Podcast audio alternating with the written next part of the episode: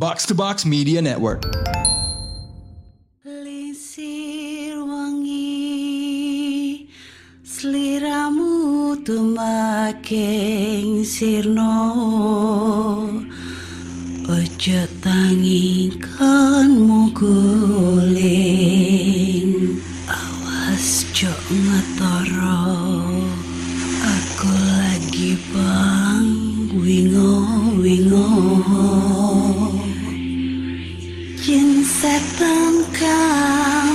Hai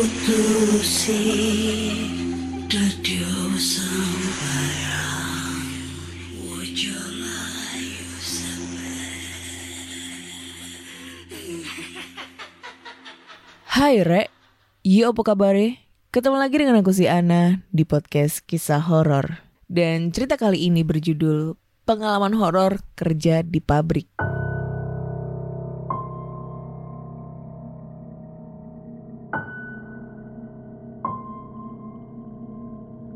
Cerita ini berlatarkan tahun 2011, tahun di mana gue lulus SMK.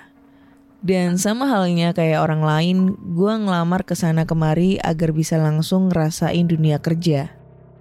Gak sia-sia usaha lamaran gue berbuahkan hasil, karena gue dapat panggilan kerja di sebuah pabrik keramik di kota P. Singkatnya gue diterima dan bisa mulai kerja keesokan harinya. Mulailah gue cari kos-kosan karena gue bukan berasal dari kota ini. Selama kurang lebih dua bulan, gue kerja di sini gak ada apa-apa. Karena gue non-shift waktu itu. Maklum, gue fresh graduate. Tapi semua berubah waktu gue shift malam. Gue sendiri dapat bagian di packing. Bagian yang paling berat sebenarnya, tapi gue terima karena namanya juga pertama kali bekerja. Jiwa muda gue masih menggebu-gebu. Kejadian ini dimulai waktu jam menunjukkan pukul satu dini hari seingat gue. Waktu itu tiba-tiba terdengar suara orang berteriak-teriak yang membuat seisi gedung tempat gue itu rame dan ingin tahu ada apa. Yang gue dengar waktu itu ada yang berteriak, Ada kecelakaan! Sontak gue yang ikut penasaran mendekat dan kemudian aktivitas bekerja dihentikan sementara sambil kami berkerumun menuju sebuah lokasi yang sudah ramai karyawan pabrik yang kebetulan dapat shift malam waktu itu. Rupanya ada seorang karyawan yang meninggal dunia. Karyawan ini mendapat bagian di batu bara. Sedikit informasi, bagian batu bara ada di belakang pabrik, dekat dengan area kebun yang kata karyawan-karyawan senior, angker. Penasaran, gue pun ikut melihat karyawan yang malang itu. Shock adalah hal pertama yang gue rasakan waktu lihat jasad beliau. Rupanya korban meninggal dengan jatuh dari ketinggian tempat memasukkan batu bara ke pemanas dan tingginya sekitar tiga lantai dari tanah. Sialnya ketika korban jatuh, badannya menghantam ke besi palang. Sehingga badan korban terbelah menjadi dua. Dan sewaktu gue melihatnya, gue bisa lihat darah dan organ tubuh beliau berceceran di atas tanah. Malam itu sontak ramai polisi dan mobil jenazah. Yang rupanya, menurut kabar yang gue dengar, tubuh korban dijahit lagi sebelum dikembalikan. Malam itu, jujur, menjadi malam yang agak dan gak akan pernah gue lupain. Semenjak itu, muncul desas-desus bila karyawan yang meninggal itu bergentayangan. Dan sialnya, gue yang melihat tubuh korban dalam keadaan seperti itu juga terkena imbasnya. Di sinilah gue mulai ceritanya.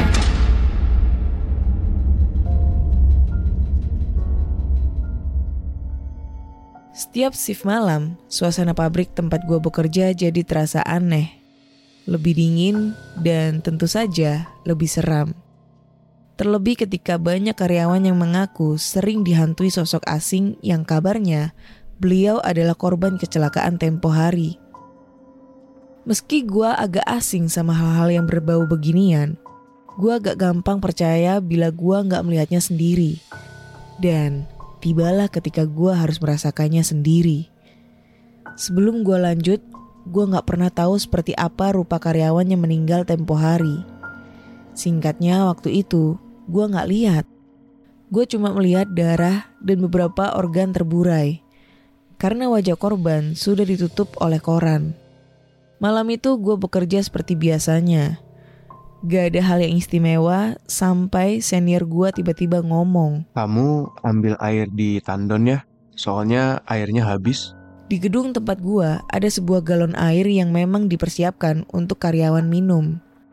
Masalahnya, yang minum air ini nggak cuma satu atau dua orang, tapi puluhan.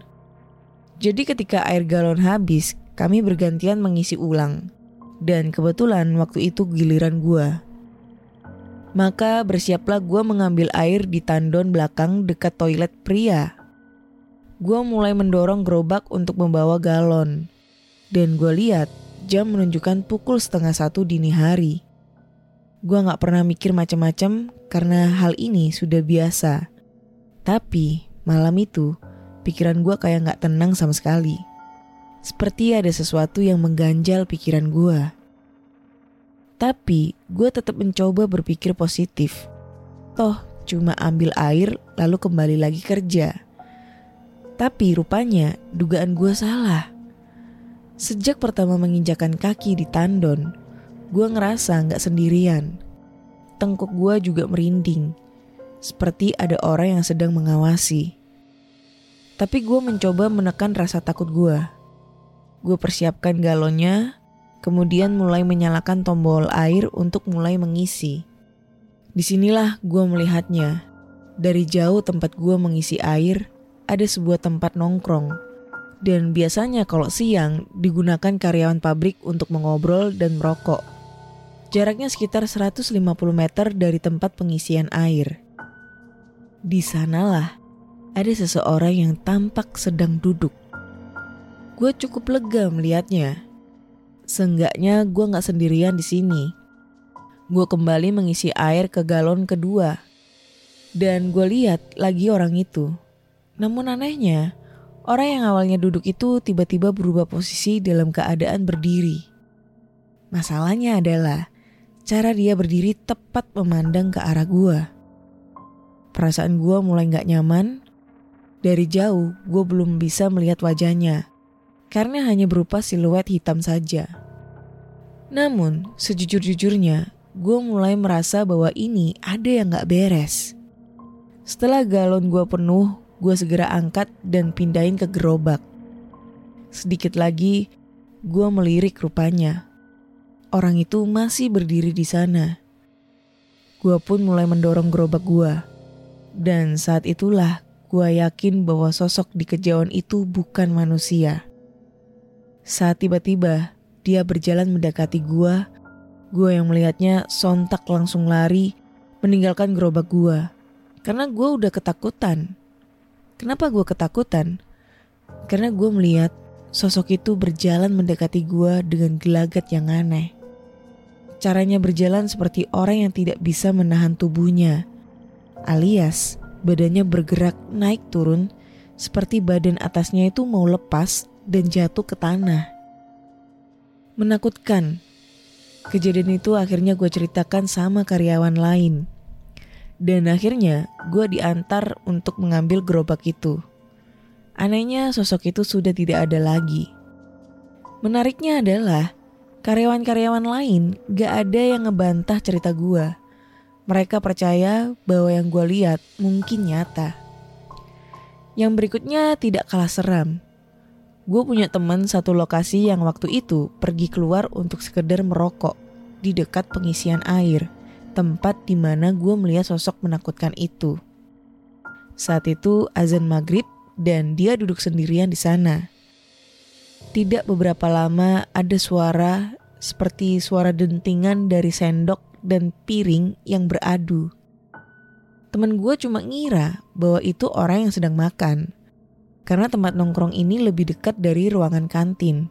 Tapi jarang ada orang yang makan di tempat ini karena sudah ada fasilitas lengkap di dalam kantin.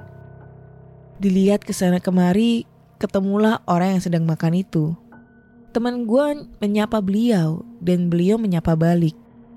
Tidak beberapa lama orang itu mendatangi teman gue dan ikut bergabung. Mereka pun terlibat obrolan sembari menikmati rokok berdua. Tak berapa lama orang itu pun pergi pamit. Jam istirahat sudah usai, teman gue kembali ke tempatnya. Teman gue tiba-tiba teralihkan oleh selebaran kertas bela sungkawa. Foto korban yang meninggal karena kecelakaan kerja. Terpampang di sana lengkap dengan ucapan bela sungkawa dari perusahaan. Melihat foto itu, teman gue tampak pucat pasi. Berbekal selebaran itu, teman gue bertanya pada karyawan senior. Mas, eh, ini beneran tah? Tanyanya, Ini eh, nggak salah ini. Ini orang yang kecelakaan kemarin kah? Loh iya, itu memang orangnya. Kenapa? Temen gue cuma bengong mendengarnya. Lalu kemudian ceritalah dia bahwa maghrib tadi saat dia merokok di tempat nongkrong sendirian, dia melihat ada yang makan di dekat sana. Kemudian bergabung bersamanya dan orang itu adalah orang yang fotonya terpampang di selebaran itu. Tampak tidak kaget. Karyawan senior itu kemudian mengatakan, Dulu almarhum kalau makan memang di dekat sana. Salah kamu sendiri. Maghrib bukannya sholat malah ngerokok. Semenjak saat itu teman gue jadi lebih rajin ke musola pabrik. Walaupun cuma numpang tidur tiap istirahat. Dan gue masih tetap ngeri tiap mengingat ceritanya. Satu tahun kerja di sana kemudian terjadi gejolak. Di mana karyawan kontrak banyak yang diberhentikan. Di sini gue kaget karena gue nggak masuk jajaran karyawan kontrak yang diberhentikan paksa. Gue cuma dipindah bagian saja masalahnya.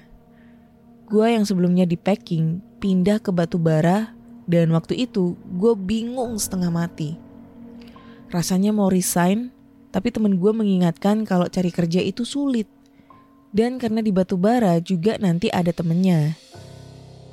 Di bagian batu bara sendiri biasanya memang dijaga dua orang. Akhirnya gue setuju untuk tetap bekerja di pabrik itu. Gue inget malam pertama waktu pindah bagian ke batu bara. Tempatnya benar-benar berbeda dari tempat packing yang terang, bersih, dan penuh sama orang. Di sini sepi, dingin, dan bangunannya sudah tua. Hanya tercium aroma besi-besi berkarat lengkap dengan pemandangan langsung kebun angker. Itu yang gue pernah dengar dari orang-orang teman shift gue sendiri adalah anak seumuran gue. Dia juga selamat dari karyawan kontrak yang diberhentikan paksa. Gue ngobrol sama dia, bercerita tentang diri masing-masing, dan kami sepakat tidak membahas hal yang terjadi di sini. Pembagian tugasnya sendiri kami sepakat bergantian. Jadi satu orang bisa bergantian tidur dan berjaga agar suhu api untuk membakar keramik tetap panas. Maka diwajibkan standby dan bila suhu turun maka kami wajib mulai mengisi batu bara ke tungku. Waktu itu giliran teman gue tidur. Jadi gue berjaga sendirian. Tahun 2011 belum banyak HP Android, jadi gue gak mainan HP tapi fokus melihat pemandangan kebun yang benar-benar gelap gulita. Dengan angin dingin yang berhembus dari sana. Asik-asik ngelamun tiba-tiba, gue terlonjak waktu mendengar suara benturan keras seperti batu dengan besi. Keras sekali sampai nyaris membuat gue melompat.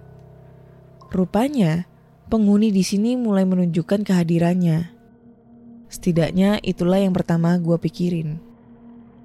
Gue mencoba untuk tidak menghiraukan, namun suara itu kembali lagi. Kali ini lebih keras dan membuat gue mulai menciut. Untungnya, waktu jaga gue udah selesai. Jadi gue akhirnya membangunkan teman gue.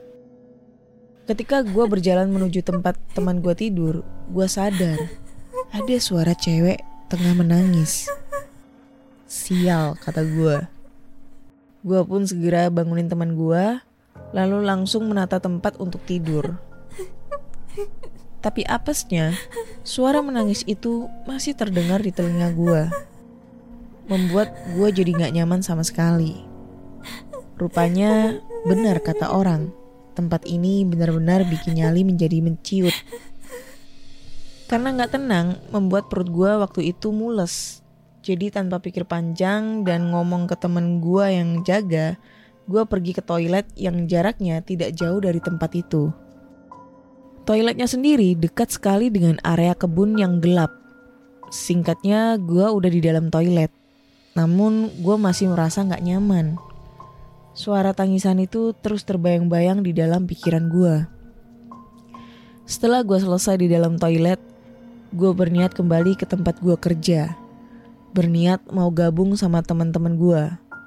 Toh kalau bareng-bareng mungkin gangguannya bakal berakhir. Begitu gue buka pintu toilet, gue cuma bisa ngucap istighfar. Karena sebelum gue keluar, pintu tepat di depan gue ada seorang wanita dengan kepala berdarah-darah menatap gua dari bawah lantai. Gua baru tahu ada kuntilanak yang ngesot adalah saat itu. Jujur rasanya mau pingsan. Bayangkan saja lu baru aja selesai buang hajat, tiba-tiba di depan toilet sudah ada yang menyambut dengan cara gitu. Gue melewati begitu saja walaupun dia terus mengikuti ke mana gue jalan waktu itu. Tapi gue gak ceritain ini ke teman gue karena gue tahu mereka gak suka dibicarain. Gangguan gue malam itu selebihnya hanya suara dan suara. Puncaknya adalah waktu gue udah gak betah lagi karena malam itu gue ngalami kejadian yang bisa dibilang paling parah berbekal ada masalah di rumah yang gue bawa ke pabrik. Ditambah SMS bahwa teman gue nggak bisa masuk karena sakit membuat gue sadar. Malam ini gue sendirian yang jaga. Jam shift malam dimulai pukul 11 malam. Baru gue masuk ke sana, gue sudah mencium aroma anyir darah segar. Gue letakkan tas dan mulai ganti seragam kerja. Lalu pergi ke tempat gue jaga suhu batu bara.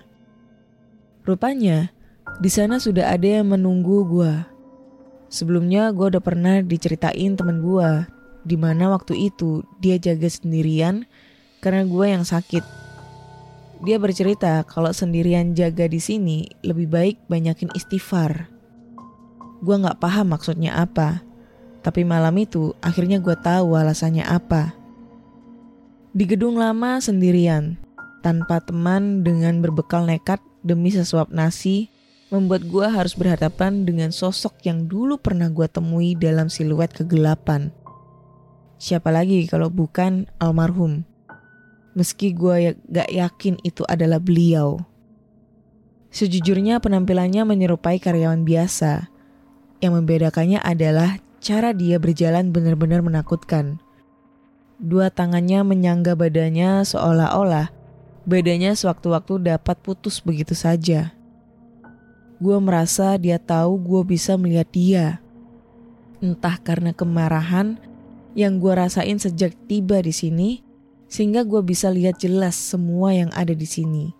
Sangat jelas, bahkan membuat gue rasanya mau lari pulang. Rupanya dugaan gue benar. Kuntilanak ngesot itu tempatnya memang dekat toilet yang gak jauh dari tempat gue dan teman gue biasanya istirahat sewaktu bergantian jaga. Namun yang bikin gua nggak mau lama-lama di sini adalah penghuni kebun yang bentuknya nyaris mirip bentuk kuda. Hanya saja, selain makhluk-makhluk itu, gue berusaha tetap menjaga jarak untuk tidak mengganggu. Meski gue tahu mereka mencoba menarik perhatian gue. Siapa sangka rupanya gue benar-benar gak disukai di sana, entah karena apa. Karena ketika jam istirahat, tepatnya waktu gue mau sholat subuh setelah tertidur waktu jaga. Gue gak bisa bangun lagi. Dan rupanya ada makhluk hitam dengan tanduk besar sekali nginjek badan gue sembari melotot marah. Gue baru bisa berdiri waktu teman gue shift pagi datang dan akhirnya nolong gue biar bisa berdiri. Selebihnya itu akhirnya gue memutuskan untuk resign. Semenjak itu kalau gue inget-inget pabrik itu gue jadi rada skeptis. Karena menurut penuturan orang-orang, harusnya tempat batu bara memang tidak boleh dibuka lagi. Namun saat ini, gue nggak tahu apakah tempat itu masih beroperasi Karena sekarang gue udah kerja di tempat lain. Yang lalu biarkan jadi pengalaman saja.